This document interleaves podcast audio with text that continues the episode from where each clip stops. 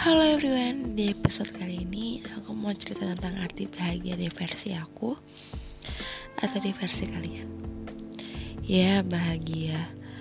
Banyak yang bilang aku bahagia bisa dapetin dia.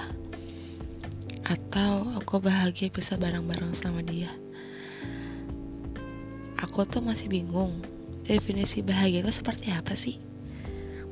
Atau seperti tinggal di rumah sendiri itu bahagia? Atau berada di samping pacar itu bahagia? Atau mungkin mendapatkan hal kita yang mimpi-mimpikan itu bahagia? Atau seperti apa? Menurut aku, arti bahagia itu saat kalian sudah merasakan sakit, kecewa, sedih.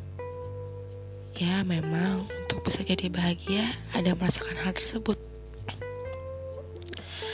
Ada juga yang instan.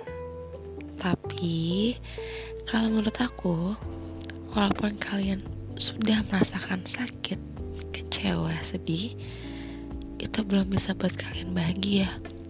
Loh, kenapa? Kok bisa? Terus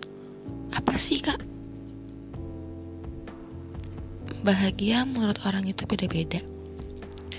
Ya tentunya di versi aku ini. Bahagia menurut aku, kamu bisa dinyatakan bahagia kalau kalian bisa ubah diri kalian sendiri. Kalau kalian bisa buktikan kepada semesta, kalau ini loh aku yang kalian injak-injak. Ini loh aku yang kalian bilang kalau aku gak bisa sendiri yang selalu harus dituntun. Ini loh, aku yang kalian lecehkan. Atau ini loh, aku yang bisa sukses untuk masa depanku. Semesta akan ciptakan rasa bahagia ke diri kalian, ke hati kalian, bahkan ke orang lain pun bisa merasakan. Banyak rintangannya memang, Ya, seperti yang aku bilang tadi, kalian harus merasakan sakit, sedih, kecewa terlebih dahulu.